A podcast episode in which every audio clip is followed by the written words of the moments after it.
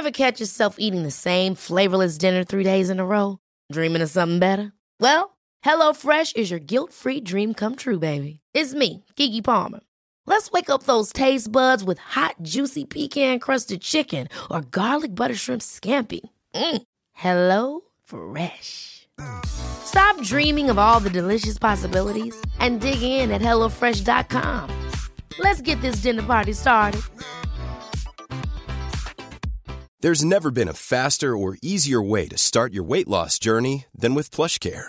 PlushCare accepts most insurance plans and gives you online access to board-certified physicians who can prescribe FDA-approved weight loss medications like Wigovi and Zepbound for those who qualify.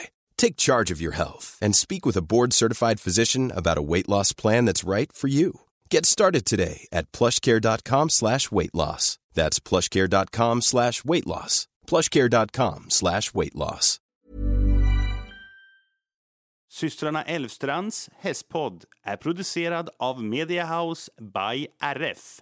Hej allihopa och varmt välkomna till systrarna Älvstrands hästpodd avsnitt 65. Tjenare, tjenare. Här är Anna som pratar. Ja, och här är Emma. Och ni är varmt välkomna till den här podden som handlar om oss och våra fyra små godingar, Ja. aka hästarna. Ja, precis. Och även ja, hästlivet i allmänhet. Vi har mycket att diskutera och den här veckan har jag mycket att prata om så jag ser fram emot att få köta av mig lite nu. Ja, alltså du sitter ju till och med och klappar dig i knät för att du är så taggad. Ja, men det har varit lite grejer som jag har, eh, ja vad ska man säga, researchat om i den här veckan som ska bli kul att prata om för jag vet att du inte har, eh, vad ska man säga, haft någon koll på det direkt. Men gud vad spännande. Jag har ingen aning om vad du pratar om så ja, men vi, vi kör igång tycker jag så Ja, jag får reda på vad det är du snackar om.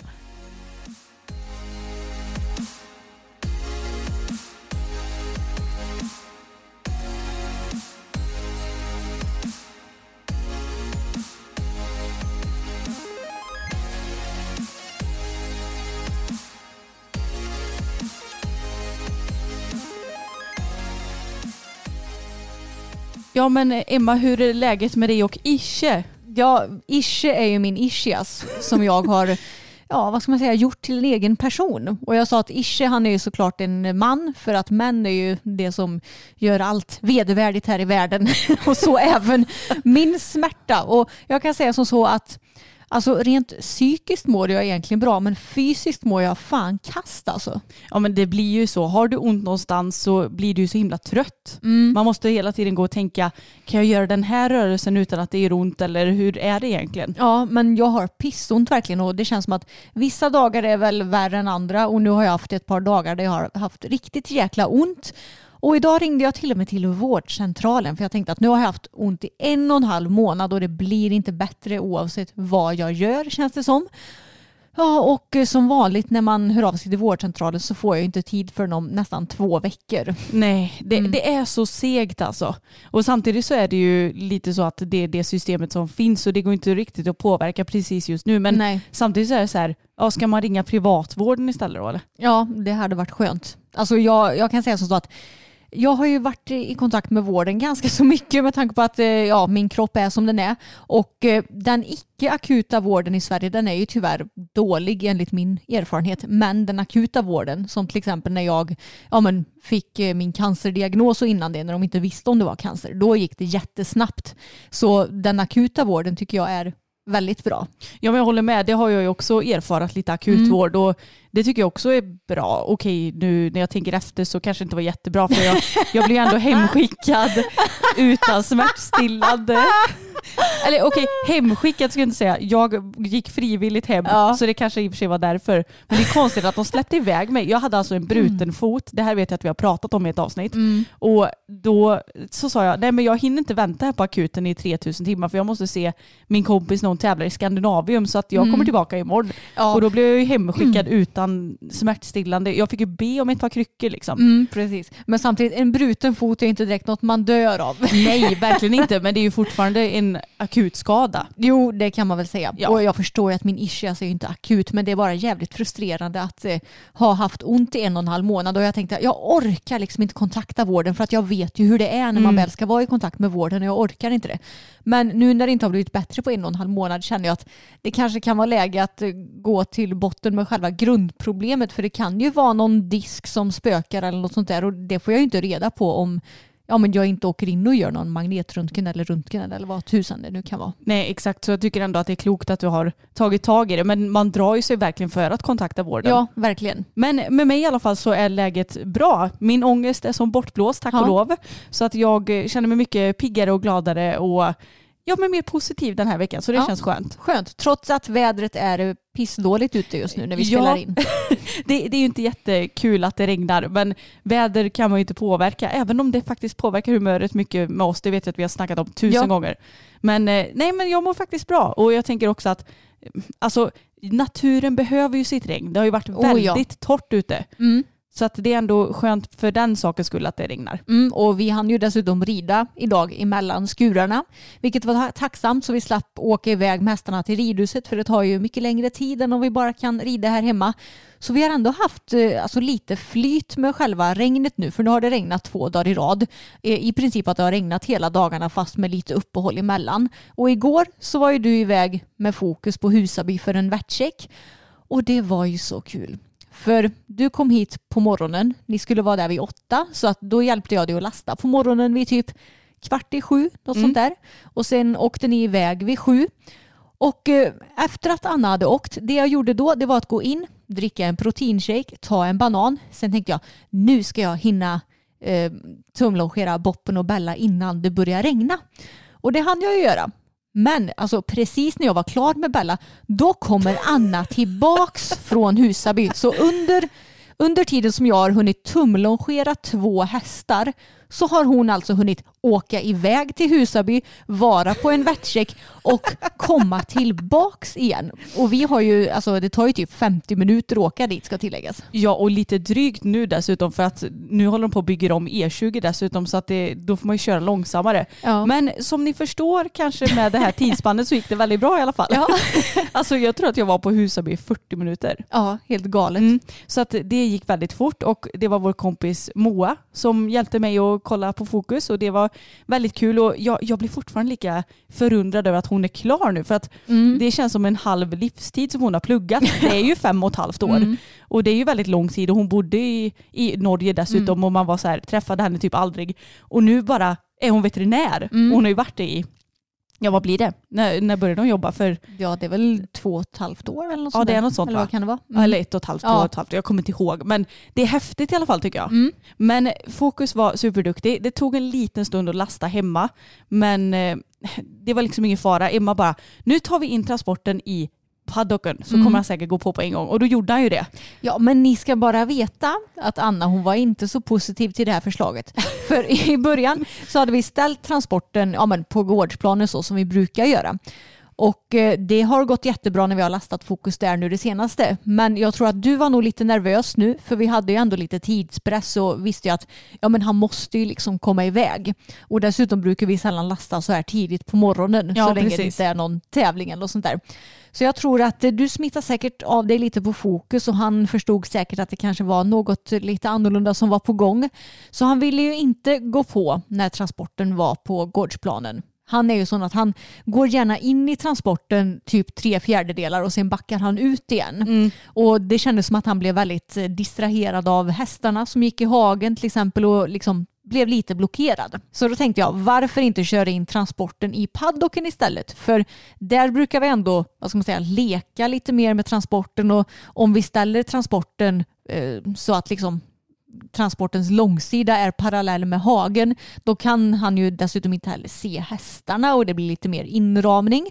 Och så fort vi hade kört in transporten i paddocken så gick han på med en gång. Ja och det var väldigt skönt och nu, nu vet vi ju det också kanske till nästa gång om det skulle krångla att bryt mönstret bara. Mm. Ja. Och det är ju ofta det man behöver göra. Precis, och, men du trodde inte att det skulle funka. Du sa nej det kommer inte gå. Ja nej jag, jag trodde inte riktigt på det men Nej. jag blev överlistad ganska så snabbt. Eller överlistad, övertygad. men sen så, alltså han är ju alltid väldigt snäll att köra fokus och det gick väldigt bra att åka hela vägen till Husaby. Och sen så när vi kom fram så lastade jag ur honom och ställde honom i boxen och då var han helt ensam där för att vi var de allra första på plats faktiskt. Och Alltså jag, blev, jag blev väldigt stolt över honom för att jag ställde in honom i en box som sagt. Han är ju inte van vid att stå på box längre eftersom han är en lösdriftshäst och har tidigare visat väldigt stressat beteende i boxen dessutom.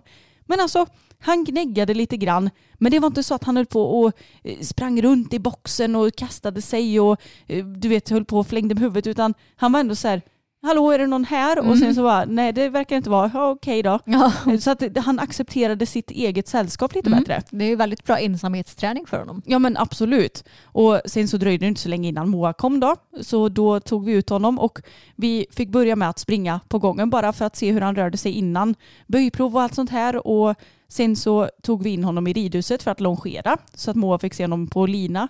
Och han skötte sig jättebra. Han, han är ju lite Alltså inte helt enkel att longera för att han ska hela tiden hålla på att titta ut och ta inte riktigt koncentrationen till mig. Så att han var ju lite sån att han höll på att titta på pallen och titta på Moa typ och så här. Men ja, han skötte sig ändå bra. Och sen direkt efter det så gick vi ut och longerade på en eh, hårdare volt som är typ en rundkorall utanför kliniken. Och även där skötte han sig bra. Han blev rädd för en fiskmås men det kan han inte rå för. Och sen så avslutade vi det hela med att böja honom då på gången. Så då får man ju Ja, men då böjer man hästen i en minut tror jag, i deras ben och böjer olika leder, Ja. säger man det? Mm. Och så får man springa fram och tillbaka och sen böjer man nästa ben. Och så gjorde vi nog det åtta gånger tror jag, för jag tror att hon böjde både högt och lågt. Det brukar man väl göra. Ja, jag tror det. Ja. Och alltså inga tillstymmelser till någon form av hälta överhuvudtaget. Så att det var så himla himla skönt. Och Moa sa det att han kändes väldigt fin i muskulaturen också. Och hon kunde inte anmärka på någonting så det var så himla skönt. Mm, nice. Det är ju tur att vi har en häst som peppar peppar inte är skadedrabbad. Ja men alltså det är helt sjukt. Jag vet att man inte ska jinxa om sånt här. Men jag har ju alltså haft honom i närmare tre och ett halvt år nu. Och det som han har haft det är mugg och det är ett sår som fick sys. Och that's it. Ja, alltså det är helt galet och det är någonting som vi är väldigt tacksamma över för vi har ju en del skadehistorik med våra andra hästar, även om gamlingarna de har ju varit väldigt peppar peppar skadefria nu det senaste. Ja. Det enda som har varit har ju varit att Boppen har haft problem med sina tänder. Mm. Men annars har ju de inte varit skadade på många år de heller. Nej precis, så att det, alltså man blir ju så tacksam när man har sådana här hästar och sådana här perioder. För att vi alla vet ju hur det kan gå med hästar och de kan klanta sig och de kan bli sparkade av någon annan häst. Och, Eller så har de som Bella lite medfödda bekymmer också. Ja, precis. Men eh, nej, det kändes så in i bänken så bra måste jag säga. Och han var så himla lugn också när jag skulle göra i ordning honom för att åka sen. För jag hade ju med mig sadel och träns och allt sånt där och Moa frågade om jag ville rida. Men så sa jag, tycker du att det är nödvändigt? Och då sa hon bara, nej. Alltså han är så fin på bryggprov så att jag, jag, jag ser ingen anledning till att vi behöver göra något mer. Men känner du att du vill så kan jag såklart titta på honom. Och jag bara, nej men då skiter vi i det. För att Ja. är det så bra så är det ju bra liksom. ja, och hon ser ju ändå honom under ridning regelbundet ändå. Så. Ja, det gör hon. Så att det, det kändes inte som några konstigheter alls så. Men då skulle jag göra i ordning honom i boxen, ta på honom flistäcket och, och skydden och så innan vi skulle lasta. Och han bara står still som en liten ängel utan att vara orolig och kasta sig omkring. Och det- alltså det kändes så skönt. Och jag sa det till pappa efteråt att det känns inte som att, visst nu vet jag inte när och om det ska bli något meeting, men det känns inte så långt bort att kunna göra det. Mm, att faktiskt kunna åka iväg på meeting. Mm. Och sen gick det bra att lasta hem också. Ja, då gick han på på en gång. Ja. Det var så himla roligt verkligen och jag kände bara fasen vad gött, nu kan vi ändå åka iväg lite själva och ha lite självförtroende i det. Eller ja, jag framförallt. Mm, ja, det har ju inte direkt gått så bra tidigare alla gånger. Nej, det kan man inte säga. Och det var också så roligt för jag hade ju med mig lunch och jag hade med mig en proteinbar och lite frukt och grejer för jag var Alltså jag tänker att det är alltid bra att ta med sig om det nu skulle vara något bekymmer. För jag har ju inte haft någon misstanke om att det har varit något fel med fokus. Men om det skulle vara det och man behöver ja, men bedöva och greja och ni vet ju hur en hälsoutredning går till. Då har jag liksom proviant till om jag behöver vara där hela dagen. Men ja, som sagt, jag kom ju hem väldigt snabbt. Ja. Du såg väldigt förvånad ut. Ja, jag var lite förvånad över att du kom hem så snabbt. För som sagt, jag hade inte ens hunnit äta en vad ska man säga, vanlig frukost. Utan bara en shake och en banan liksom. Ja, men det, ja, det gick väldigt fort. Ja, jag märkte det. Och eh, på tal om det här med veterinärer och sådär så skulle jag egentligen varit inne idag med Bella på återbesök hos Torun på Husaby också. Men Torun har blivit sjuk så vi har fått flytta på det. Och preliminärt ska in igen nu den 14 istället. Så eh, vi får eh, se. Hoppas att eh, Torun har blivit frisk tills dess. Ja, det är såklart tråkigt för man vill ju inget annat än att bara ha ytterligare svar eller vad man ska säga. Men samtidigt kan ju inte veterinärerna hjälpa när de blir sjuka heller. Nej exakt och jag vill ju ha samma veterinär Ja. som jag har haft från början nu när hon ändå har en så pass omfattande diagnos som hon har. Ja, för det är ju, alltså även om alla veterinärer på huset blir väldigt duktiga så kanske det är mycket att läsa in för en annan veterinär Ja. och, och sätta sig in i Bellas diagnos. Då är det ju ändå bättre att fortsätta med den som har sett henne. Precis och hon har ju ändå en ganska så lång journal om man säger så. Ja. Så det, det känns ändå tryggast att ha samma veterinär till henne. Men eh, jag provar ju att rida henne häromdagen för det skulle jag ju göra inför det här återbesöket och det gick inte bra alls. Nej. Så det känns väldigt tråkigt. Hon, var, eh, alltså hon kändes värre än innan jag var inne på Husaby förra gången med henne. Så det känns ju inte så där himla hoppfullt men eh, vi får helt enkelt se hur framtiden ter sig så att säga. Ja, det är ju ingen idé att, att tänka på någonting nu utan det får ju veterinären ta liksom. Ja, exakt. Och jag är tacksam över att Boppen är så himla fin i alla fall. Trots sin ålder. Han är ju fyllt 24 år nu. Ja, Och han är, alltså, han är så sjukt fin nu. Han blir bara finare och finare för varje vecka känns det som. ja men alltså jag, jag måste få rida honom snart. Det var för nu var det länge sedan. Ja. Jag blir så sugen när jag ser honom och alltså idag så red ju ni ett lite lättare pass för Mm. att ja men dels har det regnat en del så alltså vi vill ju inte racea runt i paddocken jättemycket när det är lite blött och så. Det blir ju inte halt men ni vet lite klafsigt och lite Ja. tungt blir ju underlaget. Och alltså ni gjorde ju så fina byten idag. Ja, och trots att jag själv verkligen inte kan rida som vanligt. Dels på grund av att jag har eh, haft väldigt eh, ont idag på grund av min ischias men sen har jag också extrem träningsvärk i mina lår efter benpasset som jag gjorde för två dagar sedan. Så det, det går inte jättelätt att rida just nu kan jag säga. Nej, det vad det. Och Tage han känns också fin. Och jag blandar ju mycket mellan att rida på vettlöst och också med bett. För jag märker lite att han fuskar lite på det bettlösa. Han blir ju lite sån att han blir lite rak i halsen och ja, men, om jag ska göra skolor till exempel, alltså öppna och sluta och sånt så kan han gärna fuska lite med ställningen. Så jag tycker att det är bra att rida ja men säg två dagar bettlöst, en dag bett så att man ändå kommer åt den där lilla ställningen lite extra. Ja, precis. Så det märktes att han idag var lite såhär, ah damn. och han var, han var så fjantig idag. Ja. Alltså jag kommer inte ihåg när han var så här fjantig sist. Nej, men Boppen var också fjantig och jag tror att det beror på vädret. Alltså, det har varit så himla ruskigt nu och regnigt och lite blåsigt. Och, ja, jag, jag tycker att det känns som att när det har varit bra väder och det blir dåligt väder så kan hästarna få lite hjärnspöken. Ja men lite väderomslag att det blir hjärnspöken. Ja, precis. ja, för att alltså, vi reder ju paddocken och vi har ju en väg ganska nära paddocken. Ändå med en bit ifrån men ändå så att de ser vägen ordentligt. Och då kom det två barnvagnar med hund och två människor och gick Mm. och Tage han liksom tvärnitar och stannar och tittar på dem. Och jag bara men alltså du har ju sett barnvagnar tusen gånger Ja. tidigare och brukar inte bry sig. Så att jag vet inte vad det var som spökade i hans hjärna idag. Men jag måste bara säga det på tal om veterinärer att jag är så himla imponerad av deras arbete och att de orkar med allting. För att jag förstår ju som ja men för Moa nu när jag och Fokus var inne, det är klart att hon sa ju det, det känns så kul att ha haft den här patienten inom citationstecken idag för att ja men han var så himla fin och inga problem och så här. Men tänk också att det är de som måste ta besluten om en häst ska få leva eller inte mer.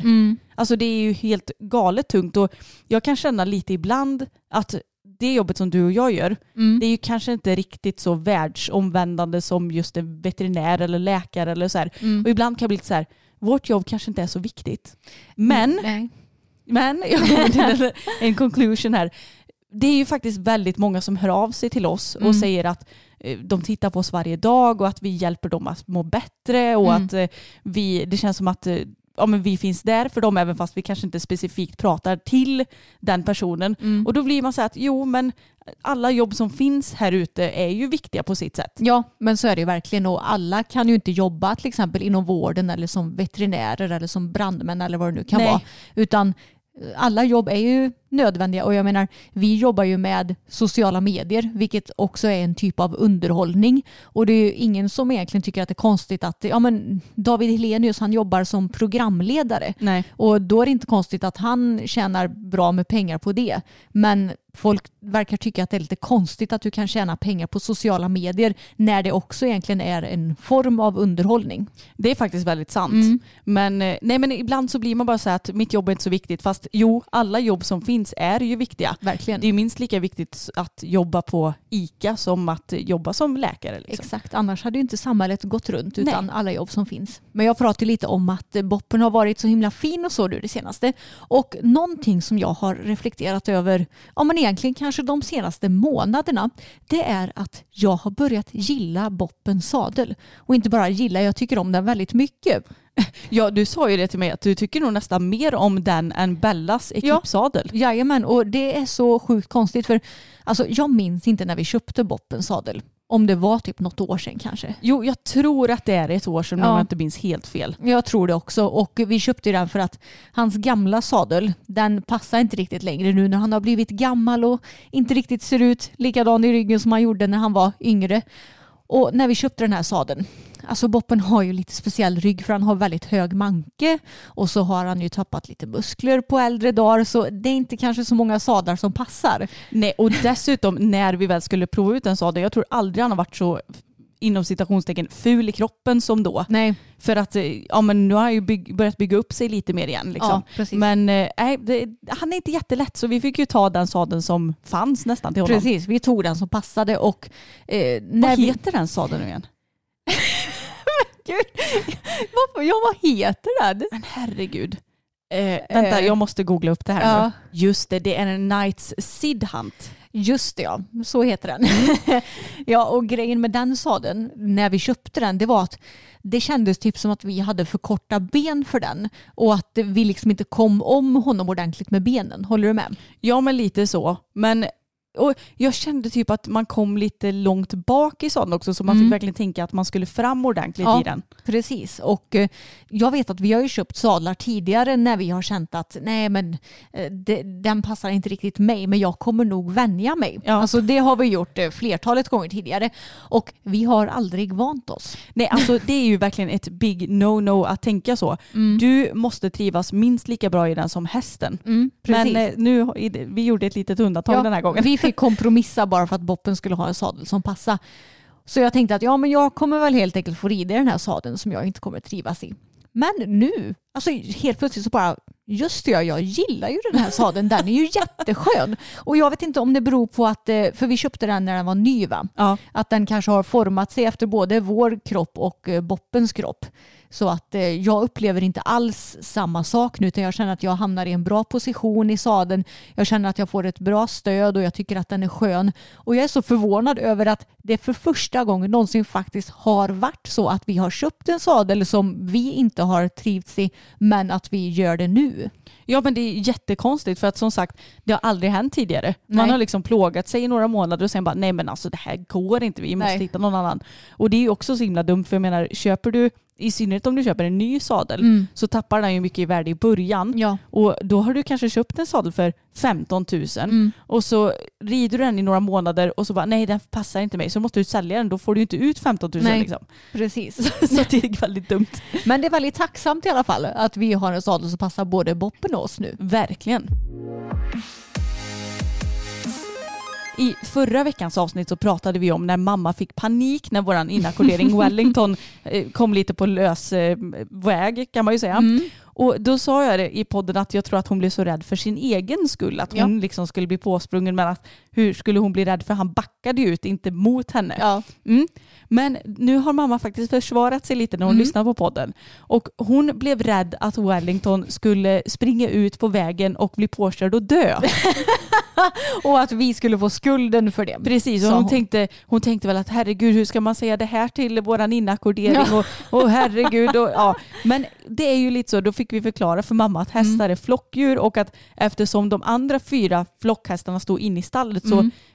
är det ju högst osannolikt att Wellington skulle bara hej då nu springer jag till E20 Ja. och blir påkörd. Exakt, det finns liksom ingen anledning för honom att uh, rymma ifrån gården. Nej. Vi kan ju säga att det var ju lite värre när vi precis hade köpt vår första unghäst Abbe. Jag vet inte om vi har berättat om det här i podden Nej, jag inte. vet inte heller men vi kan dra den historien. Ja, det kan vi göra. Och då hade vi köpt Abbe, haft honom i typ två dagar. Han var fem år, hade jättedålig kondition. Och jag tror att höll vi inte på att bygga om på något vis hemma eller vad det nu var? Jo, jag tror att vi byggde vår lösdrift slash Mm. carport då. Och vi har ju en öppning på, till höger om den och även till vänster om den. Så att, och så stod det massa maskiner och brädor och skit Mm. och personal och hej och hå. Det var lite kaos på gården. Ja. Och så vet jag att vi hade ridit och så hade vi släppt ut hästarna. Var inte det här innan jobbet Jo. dessutom? Vi hade ridit, för det var ju en sommar tror jag. Ja. Eller i alla fall ganska varmt ute. Mm. Så vi hade hunnit rida innan jag åkte till jobbet. Ja, och så åkte jag till jobbet som jag jobbade på förut och jobbade i godan ro. Och så skickar Emma ett sms till mig. Hästarna är lösa. De kan vara på E20. Och jag bara, alltså jag bara kastade mig ut, sprang till bilen, skrek till chefen på vägen ut att jag kommer tillbaka om en stund. Alltså, jag tror att han fattar nog ingenting. Nej. Alltså jag gjorde sådana här däckmärken från bilen när jag åkte därifrån för jag bara holy macaroni och så hela vägen hem då, då tänkte jag att nu kommer jag väl hitta, nu kommer jag inte ihåg hur många hästar som stod på gården. Det typ var fem, ja, fem stycken ja, tror jag det var. Nu kommer jag väl hitta fem döda hästar här längs vägen. Mm. Men tack och lov så klarade jag mig på vägen hem. Och när jag väl kom till gården sen så kommer jag inte ihåg, hade ni hunnit sticka iväg då? Ja, jag, min- alltså, jag minns inte, gud jag har Nej. nog förträngt lite av det här. Men hästarna hade ju i vilket fall som helst sprungit åt motsatt håll. De hade Ja. sprungit åt skogen där vi brukar rida som tur var. Men de hade ju sprungit till E20 först. Ja just det, och vänt sig. Ja, de tack var, och lov. De var smarta. Ja, men tack och lov. Så de hade sprungit till skogs Mm. och så hade de sprungit ja, men typ längst bort på ena rundan vi har. Mm. Där finns det ett gäng hästar så där hade de liksom ställt sig i skogen och Ja. tuggade lite ja, Ja, gräs eller mossa eller vad de hade hittat. exakt. Så vi tog och slängde på transporten på bilen Mm. och åkte iväg för att leta efter dem först och främst. Och sen så hittade vi dem där ute i skogen och då ville de inte komma in först till oss. De hade haft världens äventyr där. Och det var så kul för stackars Abbe, han var så trött för han hade sprungit så långt och det var väl mentalt påfrestande för honom också. Ja. Men sen typ Tage och Boppen och de andra hästarna, de var ju hur bra kondition som helst och det var ju jättekul för dem. Ja verkligen. Mm. Och alltså det sjukaste av allt det, det är att ingen av hästarna hade en endast liten skråma på Nej. kroppen. Alltså då blev vi inte påverkade överhuvudtaget av den här äventyret. Nej, så det gick ju bra som tur var. Och jag vet att vi, vi hade ju som sagt tagit med transporten och jag vet att vi körde hem två stycken och sen fick vi gå hem med typ de resterande Ja. tre eller vad det nu var. Ja, och eh, det var ju det vi skulle komma fram till också. Mm. Att det var ju någon som hade glömt att stänga ena grinden. Ja just det. Ja, det var därför de kom ut från hagen. För Mm. våra hästar har ju typ aldrig sprängt någon tråd Nej. eller någonting tror jag. Så att eh, de kom ut för att vi helt enkelt hade glömt att stänga Ja. grinden. Och det har inte hänt sedan dess ska jag säga. Nej det har det inte gjort så det kan ju vara en god idé att kolla så att man har stängt grinden. Det blir dagens lilla tips från oss. Det är att stänga alla grindar till hagen.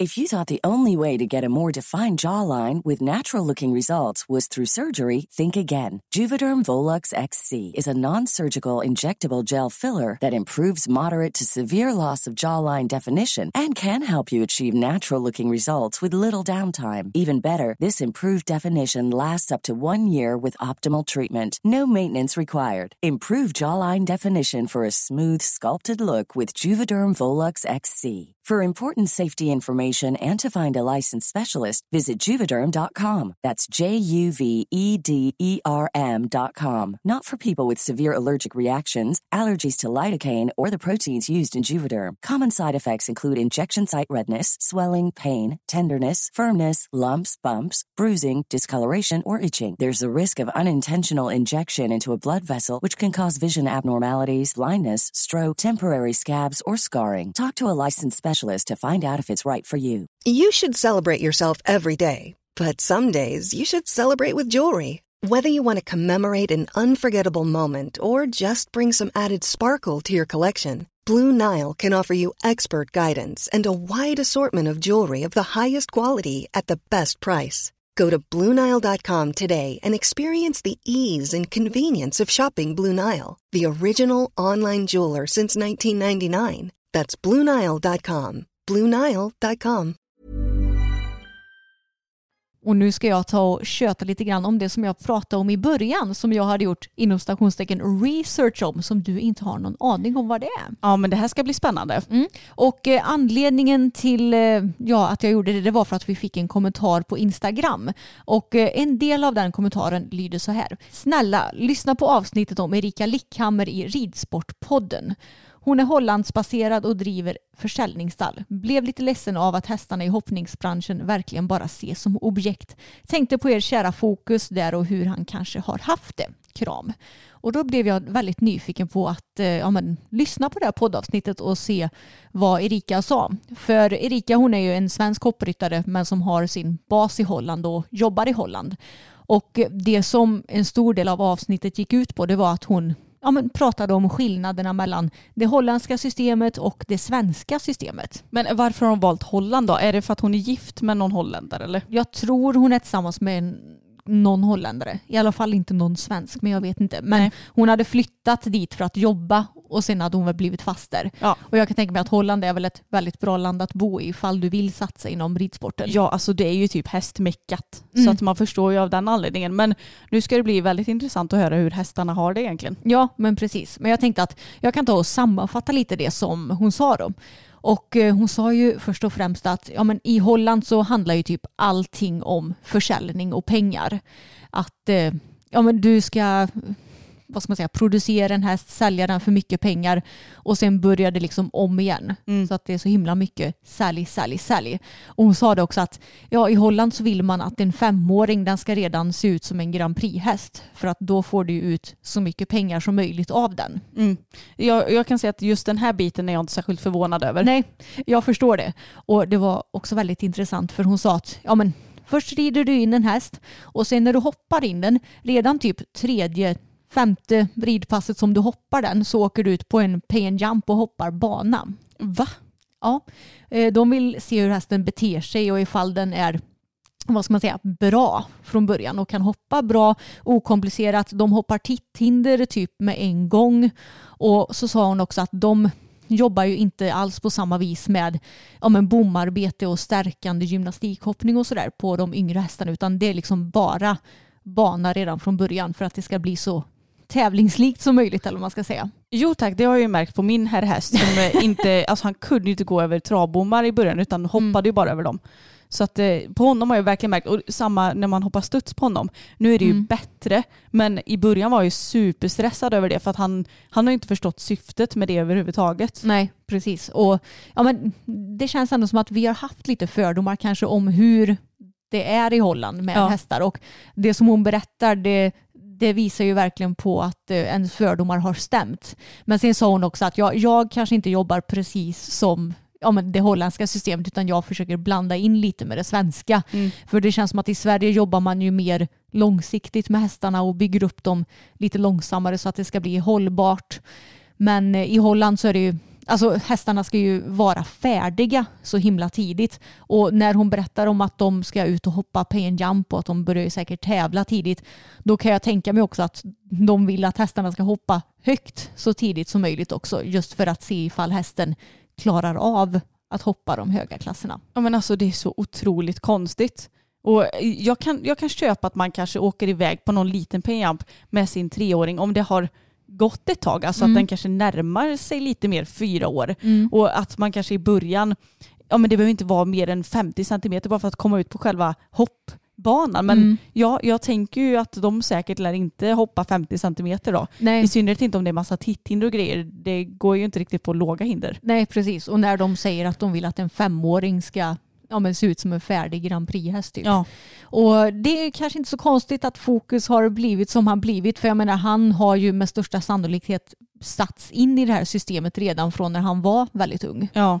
Stackars liten. Ja, men nu har han det bra i alla fall. Ja. Men ja, som sagt, det märktes ju väldigt tydligt att han har ju aldrig jobbat med bommar. Nej, alltså han, han var verkligen så här, första gången jag skulle styra på travbommar, man är ju så van vid att hästarna bara förstår vad det är. Mm. Men han, han tog ett travsteg och sen bara kastade sig över resten. Och jag bara okej, Mm. vad är det här? Ja, Men eh, nej, så att jag har ju verkligen fått lära honom det och det är lite tråkigt när vi rider travbommar för jag måste ju hålla lite i honom då. Mm. Jag vill ju gärna att när den här ska gå travbommar att man gärna, Kan ge en eftergift. ja inte lättar helt såklart, Mm. men, men kan ge en eftergift så att de får chans att verkligen jobba över bommarna. Mm. Men med honom så måste jag verkligen hålla i så att han inte sticker iväg i galopp. ja, Så att eh, ja, han, han, det är fortfarande stress för honom. ja det, det märks att det är. Och på tal om det här så pratade du och jag och eh, en kompis om det här med hur man liksom prioriterar när det kommer till hopphästar och deras utbildning. Och att det känns som att, eh, att tävla högt det prioriteras före att ha en bra grundridning på hästen. Och det märks ju väldigt tydligt på fokus för de påstår att han har tävlat typ 1,30-1,40 men när vi köpte honom så kunde han ju liksom inte ens röra sig en millimeter i sidled till exempel. Nej, eller hur? Det, alltså vi kunde inte göra ett steg skänkelvikning. Men de sa att de hade hoppat 1,30-1,40 på tävling. Mm. Vi har ju fortfarande inte sökt efter några resultat på honom, men det, det måste vi ta reda på hur man gör. Ja, För vi har ju fått reda på att det går. precis. Men jag kände bara, alltså jag skulle typ inte vilja styra runt en 30 cm bana på den här Nej. hästen. Precis, och det känns som att det, det är säkert så här mest utomlands men säkert även bland vissa svenska ryttare också. Att, eh, och du ser ibland på sociala medier också att en häst som ser väldigt alltså ostadig ut, den hoppar hindren men den kanske vinglar väldigt mycket och ser liksom ja, men allmänt ostadig ut. Att den ska ut och hoppa så himla högt redan från början bara för att få resultat kan jag tänka mig. Och sen några år senare så visar det sig att nej men den här hästen den, eh, den vill komma till en hobbyryttare och den tycker inte det är kul att tävla längre. Och då känner jag bara att nej, det är klart den inte tycker att det är kul för att det har väl aldrig känts lätt och roligt för den hästen att tävla utan det har bara varit liksom det svåraste möjliga som den har fått göra. Mm. Har man lyckats kvala till en ny klass så tar man sig ut i den så fort man bara kan. Ja, liksom. Och jag tycker tyvärr att det är ett fenomen vi ser ganska ofta i Sverige också. Mm. Ja, det håller jag med om. Och jag kan tycka också så här, för att jag tycker ju att det eller det här är väl ett system som är i hela världen tror jag va? Mm. Att eh, femåringar ska hoppa, är det 1,25 eller någonting va? Ja, jag tror det. Och sexåringar ska hoppa 1,35. 35. 35. Ja, jag kommer inte ihåg exakta höjder Mm. men jag tycker att det är väldigt högt Ja, för de här ålderskategorierna. Mm. Och när de är åtta så kan de gå upp till 1,60 va? Ja, jag tror det. Ja. Jag är inte... Jag är, inte, he- jag är inte helt insatt för jag menar det är inga höjder som jag tänker hoppa ändå i dagsläget så jag behöver inte bry mig. Men jag tycker bara att, alltså jag tycker till och med att det är stressigt alltså för svenska hästar Mm. att ta sig upp på de nivåerna. Men om man då jämför med holländska hästar som liksom åker ut på pen jumper som nyinridna nästan. Mm. Alltså det är, det är helt sjukt. Ja, verkligen. Och det är så konstigt också att den här grundläggande både ridningen och hanteringen, alltså det känns som att det finns ju så många hästar som kan se, kanske är superstressade och mår vad ska man säga, allmänt dåligt psykiskt och som kanske är jättedåligt grundridna. Det skiter liksom de som utbildar hästarna i. Bara de kommer ut och ja, men nu ska den här hästen tävla 1,20, nu ska den här hästen tävla 1,30 och anledningen till att hästarna kan göra det också det är för att ryttarna många gånger är totalt orädda och vågar kasta sig ut i precis vad som helst. Precis. Det hade ju inte gått med ryttare som mig liksom. Nej, exakt. Men det här fenomenet tycker jag ju också att man ser lite bland dressyren också så här att ja men min häst kan inte gå i en riktigt stadig form men vi rider passage. Ja. Det har vi ju pratat lite om tidigare vet Mm. jag. Att eh, det känns som att ja men det här, vi, hästen är inte färdig, nej absolut. Men samtidigt så trots att den typ inte kan gå i en bra grundform och grundtakt Mm. så är man uppe och testar på passage och piaff och piruett och alltså många svåra saker. Mm. Det går ju inte heller ihop. Nej, precis. Men om man ska se rent tävlingsmässigt så känns det inte som att det är ett lika stort problem i dressyren. Och det är klart att det kanske inte kan hända lika mycket om du startar en för hög klass i dressyren jämfört med hoppning. Och i dressyren känns det kanske snarare som att nej men nu måste min häst kunna byta helt perfekt innan vi startar en medelsvår B. Ja. Eller vad det nu kan vara. Ja, precis. Men samtidigt så, alltså, även om jag håller med dig om att det kanske inte händer så mycket om man kommer ut på en för svår klass i dressyr. Men jag tror ju absolut att hästen kan få dåligt självförtroende även där. Jo. Om den känner att så här, shit jag klarar inte av det här och Nej. min ryttare bara pressar mig runt banan. Att det ändå, det är klart att det kan påverka den också. Jo, absolut. Och när jag ändå var igång och lyssnade på Ridsportpodden, som för övrigt är tidningen Ridsports egna podd, och jag tror att den finns i alla poddappar också, men de har nog slutat uppdatera den för det har inte kommit något avsnitt sedan 2017. Mm. Men det ligger ett gäng gamla avsnitt och jag tyckte att de två som jag lyssnade på var väldigt bra. Bra intervjuare också som verkligen lät gästerna prata och sånt uppskattar jag i alla fall. Ja. Och då passar jag på att lyssna på avsnittet med Anna Hassö.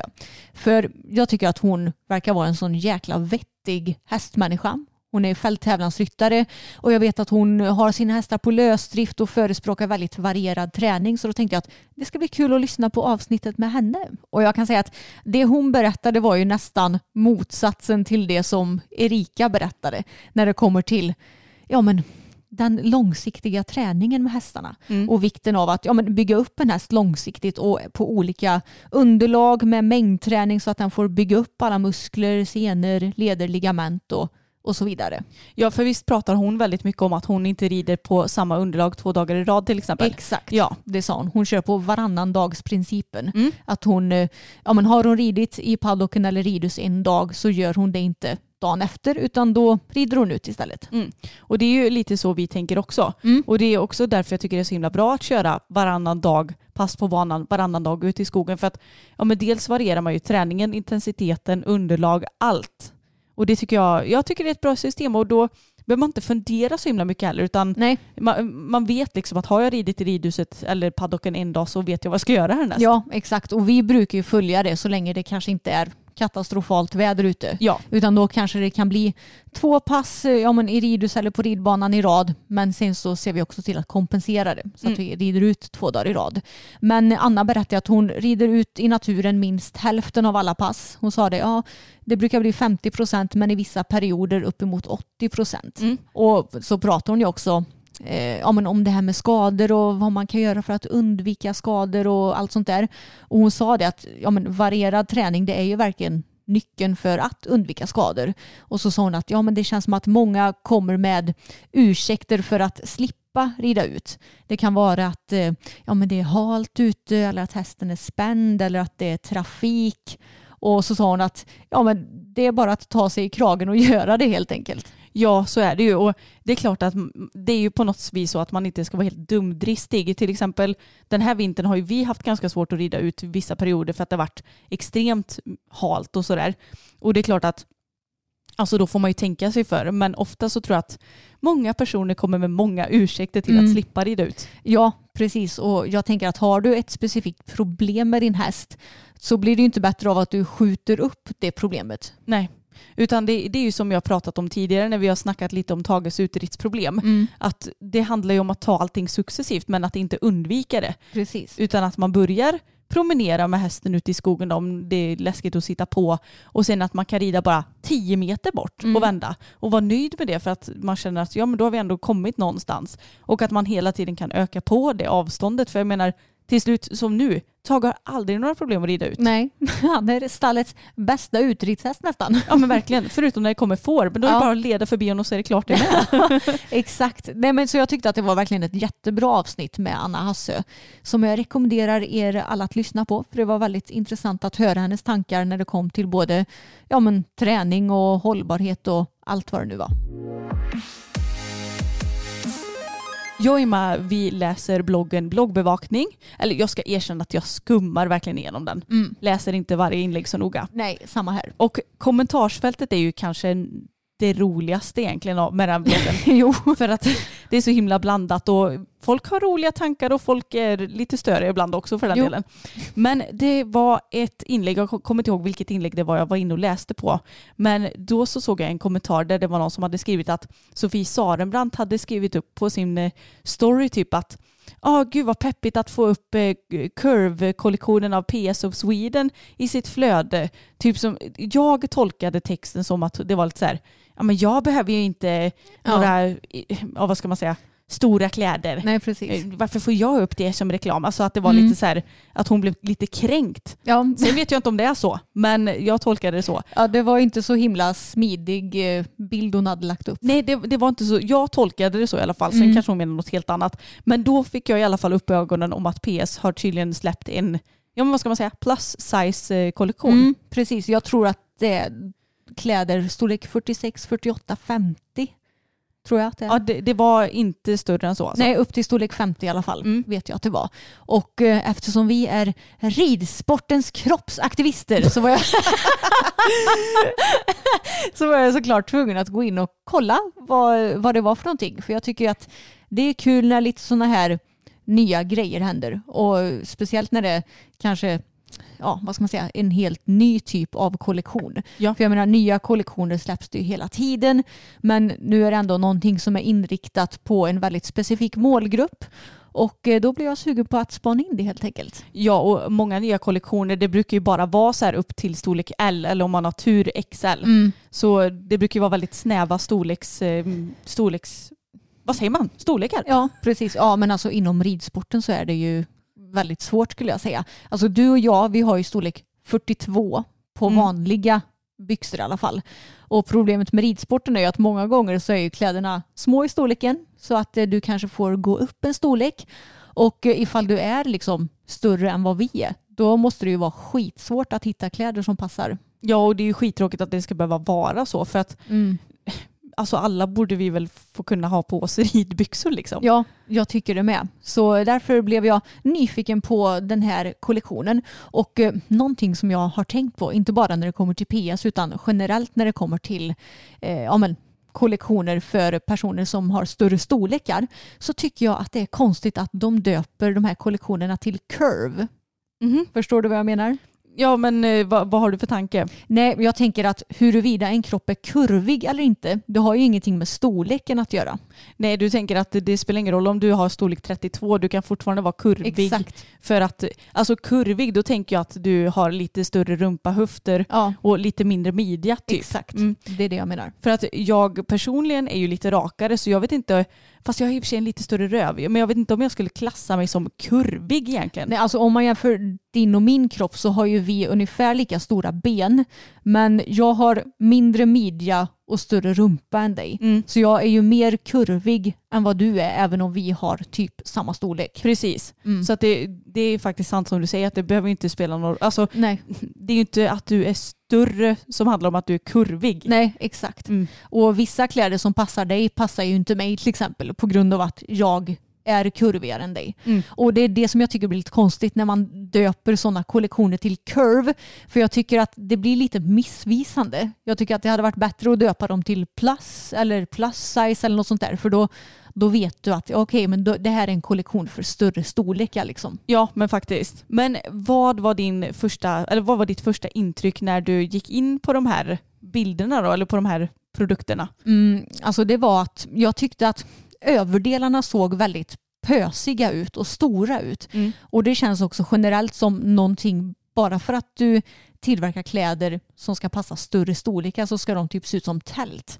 Och det tycker jag är tråkigt för det, jag tycker ju att det är mer smickrande och skönare i stallet att ha någonting som ändå sitter relativt vad ska man säga, kroppsnära. Ja, alltså det behöver inte sitta snortajt. exakt. Men det, det är också lite så här omvänt då. Om man tänker en, eh, säg en person som drar storlek 34. Mm. Den kanske inte vill ha något som sitter hur tajt som helst. Mm. Den kanske vill ha något som är lite lösare. Alltså, Ja. Det är ju inget som säger att be- beroende på vilken storlek du drar så vill du ha löst eller tajt. Nej, och i stallet och när du rider så tänker jag att det bör ju ändå vara relativt kroppsnära för att det inte ska hålla på och fladdra och ha sig. Ja, det, är, precis. det är ju lite av en säkerhetsfråga också. Och inte specifikt för just den här kollektionen men det känns som att typ det mesta som ska designas för större kroppar ska vara så himla stort eh, som om det skulle vara liksom någon, eh, någon mening att dölja kroppen i det om du förstår vad jag menar. Mm. Ja, ja, men gud ja, det vet jag för att jag har varit inne på ASOS tror jag Mm. och kollat på lite kläder emellanåt för att ja, men ibland vill man ju ha nya kläder. Ja. Nu beställer jag ju typ aldrig därifrån dock för att jag har inte hittat något jag fastnat för. Nej. Men då ser man ju, de har ju väldigt mycket så här petit och plus size och, Ja, och tal och allt vad det Ja, är. och gravid och bla Mm. bla bla. Men alltså varenda plagg som är så här plus size är ju Mm. bara så här stora Mm. tältklänningar typ. Och jag bara, men alltså eh, det här är väl inte det som man vill ha? Nej. Inte alla i alla fall. Nej. Det är klart att det kan finnas det alternativet Mm. men det måste ju finnas eh, både tajta, medium tajta och eh, tält då eller vad man ska säga. ja, precis, jag förstår. Nej, så det kan jag störa mig på generellt när det kommer till sådana här pluskollektioner. Mm. Alltså det finns väl många som har storlek, ja men säg 48, 50 eller vad det nu kan vara, som ändå vill liksom framhäva sin kropp. Mm. Du kan ju inte framhäva din kropp med ett tält liksom. Utan jag personligen gillar ju att liksom kunna visa upp min midja och sådär till exempel. Det känner jag mig mer bekväm i. Ja och det, det säger man ju, alltså det fick man ju reda på redan när man var liten och gick på ridskolan att man gärna skulle välja lite mer figursydda kläder för att Mm. ja, men ska du ut och tävla dressyr vill ju domaren se hur du sitter. Ja, precis. Och jag menar, alltså har man någon jättefladdrig tröja, vem vet om man råkar fastna i något hinderstöd eller träd eller vad som Mm. helst. Och, ja men det kan bara bli dumt. Ja, precis. Och sen eh, det andra som jag såg när det, på tal om bilderna, det var att i alla fall deras ridbyxbilder, då har de liksom, de, inte alla produktbilder, men vad ska man säga, huvudproduktbilderna, alltså där du ser själva eh, plagget, Mm. de är jätteredigerade och photoshoppade. De har typ eh, tagit en grundbild och sen har de photoshoppat på byxorna på samma ben. På alla bilder. Det ser jättekul ut och det är så kul för jag, vi kan ju jämföra det. Jag tänker att vi kan lägga upp de här bilderna i vår poddstory på Instagram Ja, det kan som sparas under höjdpunkter så får ni se vad vi menar. Men eh, de har gjort precis samma sak som ett sminkmärke som jag älskar, Colored Rain. Och då har de color drain, alltså när de ska sälja läppstift, då har de tagit, de har fotat en bild på en kvinna och sen har de liksom bytt ut läppfärgen på varje bild så att det är samma bild fast de har photoshoppat på en ny läppfärg. Ja, alltså jag höll på att skratta ihjäl mig för att vi skulle beställa lite smink därifrån. Och så tyckte jag att bilden såg lite skum ut så Mm. när jag såg det första. Men så tänkte jag bara, nej men det, det är säkert bara något så konstigt ljus eller någonting. Mm. Men så gick vi in på läppstiftet och jag bara, men gud, de har alltså photoshopat dit nya läppar för varje färg. Ja, Det ser helt, jag vet inte, jättekonstigt ut. Nej, och det, var, det är samma sak som PS hade gjort med eh, de här byxorna då. Så jag kände att det är lite svårt att liksom se hur byxorna faktiskt ser ut när det inte ens är byxorna du ser utan något som är photoshoppat.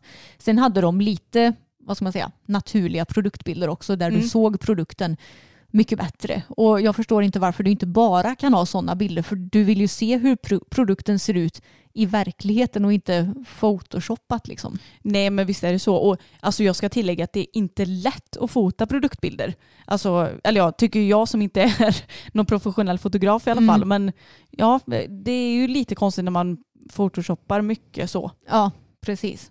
Nej men eh, annars så tyckte jag att kläderna var fina och sådär. Men eh, jag kan säga att de hade inte passat mm, min, alltså nu är inte jag ändå målgruppen för det för jag har ju inte de storlekarna men det hade inte passat min kropp för att byxorna till exempel var alldeles för låga i midjan Mm. mot vad som hade passat eh, min röv och även dig också. Du hade inte heller kunnat ha dem tror jag. Nej, och det ska ju tilläggas att de faktiskt hade släppt ett par jeansridbyxor. Ja, ja. Det var kul när vi ändå pratade om det förra Exakt. veckan. Och de såg så fina ut måste jag Mm. säga. Men eh, nej, jag tror inte det heller. Och det roliga är att när jag gick in och kikade lite på så här mått och sånt så såg det ut som att de var ganska så små i storlekarna dessutom. Ja, jag var tvungen att jämföra lite med PS eh, ja, men vanliga ridbyxor Ja. och jämföra dem med eh, Plus-kollektionens ridbyxor. Och eh, de, om jag jämförde storlek, säg, storlek 40 på de vanliga ridbyxorna hade samma rekommenderad midjemått som storlek 44 på eh, Curve-kollektionen. Men va? Ja, så man kan säga att storlek 40 var väl, eh, alltså de var väl lite stora i storleken. Men det verkar ju som att Curve-kollektionen i så fall är liten i storleken. Så du menar att den som har curve-storlek 44 sa du va? Mm.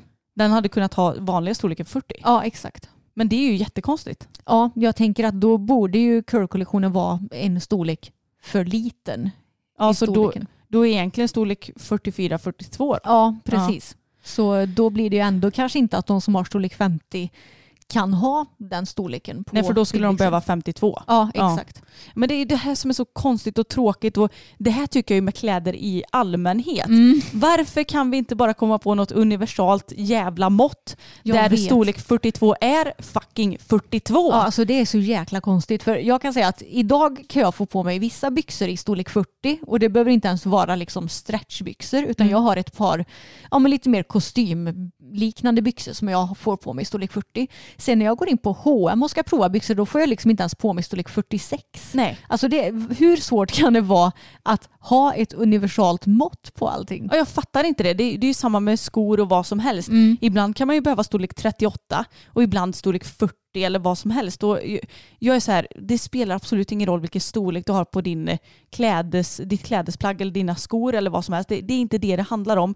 Men det hade ju varit så mycket enklare för oss allihopa om en storlek 40 hade varit en storlek 40. Mm, exakt, och speciellt när man ska online-shoppa också ja. som ju så många gör idag. Verkligen. Ja, och sen en annan grej som jag har tänkt på när det kommer till ja, men, vad ska man säga, större storlekar. Det är att ska det verkligen behövas en specifik kollektion för att kunna sälja de här större storlekarna. Och så jämför jag lite med vår shop och eh, ja, men de märkena som vi har där och vad vi har att erbjuda. Och jag får säga att på vår webbshop Hästhuset så säljer vi ju faktiskt väldigt mycket kläder i större storlekar. Mm. Vi säljer ju bland annat ett märke som heter Montar som är ett danskt exklusivt märke som har svinbra kläder.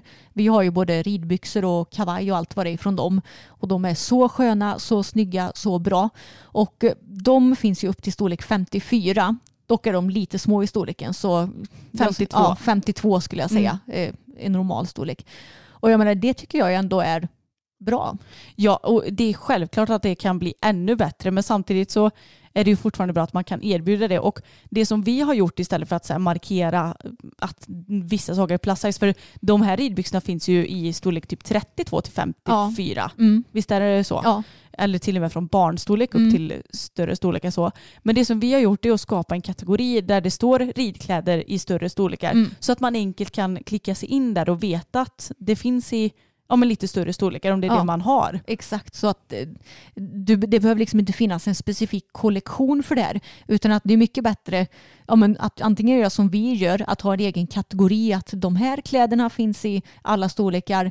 Eller som vissa hemsidor har så kan du ju sortera på vilken storlek du själv har. Mm. Och då kan du se att ja, men jag letar efter byxor i storlek L till exempel. Och då kommer ju alla byxorna som finns i lager i storlek L upp. Det tycker jag ju personligen är bättre än att göra specifika kollektioner för större storlekar. Och Anna, du och jag, vi har ju också designat egna ridleggings. Mm. Och eh, då vet ju vi om lite grann hur själva vad ska man säga, designprocessen ser ut och vad du får betala och sådär. Och man kan ju säga så att det finns ju ett standardpris för typ storlek small medium L, alltså de vanligaste storlekarna. Mm. Och sen så kostar det mindre att köpa in mindre storlekar och mer att köpa in större storlekar. Och om du har en vad ska man säga, vanlig kollektion då kommer det antagligen gå jämnt ut eftersom du både köper in mindre och större storlekar och säljer.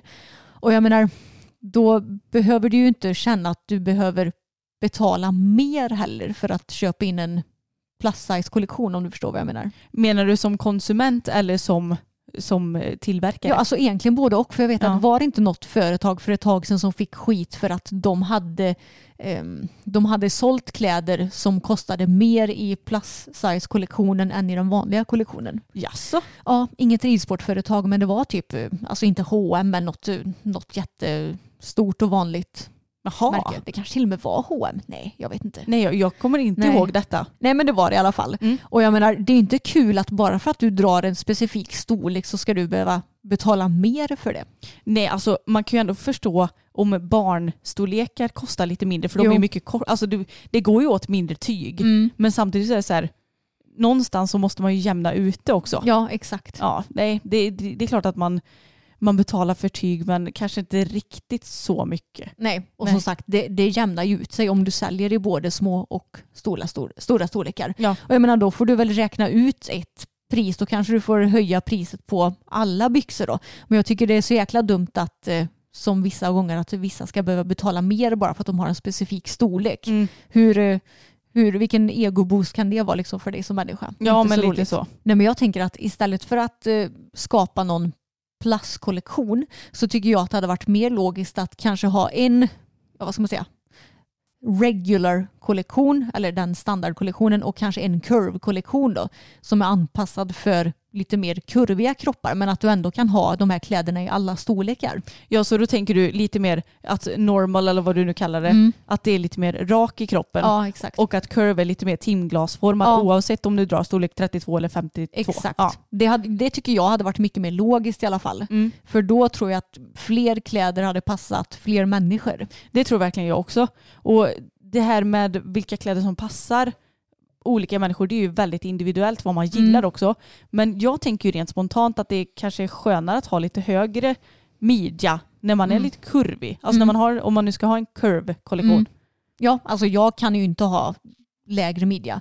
Och jag måste ju ha någonting som heter high-waisted eller super high-waisted. Mm. Så fort något är mid-waisted så tycker jag att det är lågt. Ja. Alltså det går inte. Nej, jag har ju ett par ridbyxor som är lite midwaist tror jag. Mm. De slutar ja, men precis under naveln tror jag. Ja. Och det, alltså, jag tycker ändå att jag kan ha dem, men det är verkligen, där är min gräns. Jag kan Ja. inte ha lägre för då, åh, jag får klåda vad jag ser lågbyxade, Ja. eller lågmidjade byxor. Och jag tycker det är så kul för ja, men när jag var inne och kollade på PS Curve-kollektion så stod det att eh, några byxor var högmidjade och jag bara de är inte högmidjade, de är jättelåga i midjan tyckte jag. Ja, och det var det jag tyckte var lite tråkigt också, för jag tyckte att det var väldigt fina ridbyxor. Mm. Men jag bara, men gud, de är ju jättelåga i midjan, men så Mm. marknadsförs de ändå som höga. Ja. Och det är också något så här som jag tycker är ett litet problem i klädbranschen, inte bara i ridbyxbranschen Mm. utan överlag.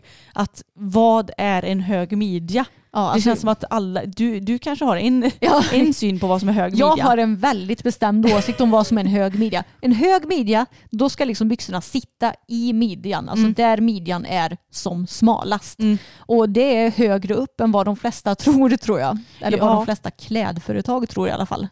Så du menar att det du säger är rätt? Det är rätt. Ja men då är de ju höga i midjan, då sitter de ju vid midjan. Jo. Allt som är under midjan, det tycker jag är mid-wasted snarare. Ja, precis. Mm. Ja, nej, men jag, det, det borde vi också komma överens om. Hörni, hörni världen, ska vi komma överens om vad en storlek är och vad högermidja är? Ja. Bra, tack och hej. Precis. Och någonting som jag också är ganska kräsen om när det kommer till eh, ja, men, ridkläder och vanliga kläder är att jag tycker inte om när det trycker för mycket. Mm. För det känns som att många gånger, även när vi har provat så här vanliga träningsleggings, så ska de trycka så mycket i midjan och när de trycker in midjan så innebär det att något annat put- putas ut istället. Och det är inte bekvämt och speciellt inte om man ändå har lite hull som vi har. Nej, och sen så tycker jag också att det blir ofta så att då rullar det typ ner Ja, istället. Alltså, jag har ju försökt att hitta träningsbyxor som jag gillar som inte heter Lululemon och Mm. kostar över tusen spänn. ja, Men jag har inte lyckats. det går inte. Nej. Alltså de är de enda som passar våra kroppar hittills som jag har Ja, provat. och det är det som är så sjukt också för att de sitter inte snort, alltså de sitter ju tight Mm. utan att, alltså man känner ju typ knappt att man har några byxor Nej, på sig. exakt. Och ändå så sitter de där de ska. Ja. De åker inte ner, de rullar inte ner. Ja, jag förstår inte hur det är möjligt att skapa så bra byxor. Inte jag heller. Det är synd att man ska behöva betala över tusen spänn. Ja men det, det får det fasen vara värt Oh alltså. ja, det får det vara värt. Nej, men eh, ja, det var väl lite mina Emmas klädåsikter. Ja, och summan av kardemumman, fin kollektion men eh, Ja men vi kanske hade önskat lite annat men samtidigt så det som vi tycker är ju inte vad hela resten av världen tycker. Nej, och jag tror att, eller jag, jag vet att om jag hade gjort en egen kollektion för större storlekar så hade jag gjort den annorlunda. Men det är ändå kul att eh, ehm, att man ändå ser till den här marknaden. För det är ju någonting som du och jag verkligen har märkt sen vi startade vår webbshop. Att, eh, och även när vi tillverkar våra egna ridleggings att de största storlekarna sålde slut först. Ja, Och vi förstod ju inte hur stor efterfrågan det faktiskt finns på det här. Och det är ju någonting som ridvärlden behöver ta åt sig av att faktiskt kunna sälja mer kläder i större storlekar för det finns en väldigt stor marknad för det. ja och det känns ju också som att det faktiskt sprids mer och mer så det känns Mm. väldigt roligt tycker jag. Mm, verkligen. Men är ni intresserade av ja, men kläder i större storlekar så får ni jättegärna spana in hästhuset.se och vår kategori där. För där har vi samlat alla kläder som är i antingen storlek XXL och uppåt och upp till storlek 54 som sagt i kläder och kan varmt rekommendera för det är väldigt bra grejer. Ja men då ska vi ta och avsluta veckans avsnitt som eh, var lite nästan Emmas enmansshow. Nej jag skojar.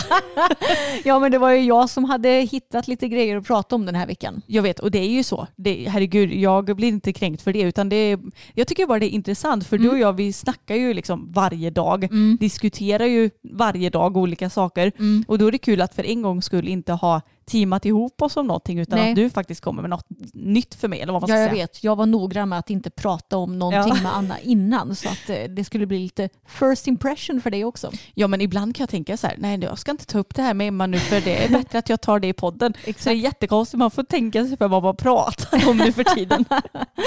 men tack så jättemycket för att ni har lyssnat på dagens avsnitt hörni. Glöm inte att följa oss på Instagram där vi heter systrarna Elfstrand och jag heter Anna Elfstrand Och jag heter Emma Elfstrand. om ni vill följa oss lite lite mer privat sådär. Och sen får ni jättegärna prenumerera på vår YouTube-kanal också som heter systrarna Elfstrand. Jajamän. Ha det så gött hörni så hörs vi igen nästa vecka. Det gör vi. Hej då! Hej då!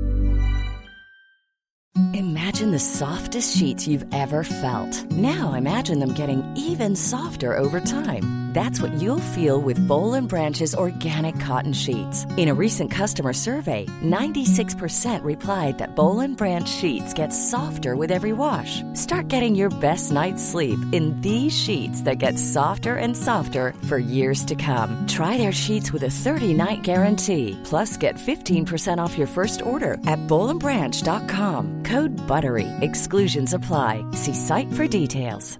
Hey, it's Paige DeSorbo from Giggly Squad. High quality fashion without the price tag. Say hello to Quince. I'm snagging high-end essentials like cozy cashmere sweaters, sleek leather jackets, fine jewelry, and so much more. With Quince being 50 to 80% less than similar brands. And they partner with factories that prioritize safe, ethical, and responsible manufacturing. I love that. Luxury quality within reach. Go to quince.com slash style to get free shipping and 365 day returns on your next order. Quince.com slash style.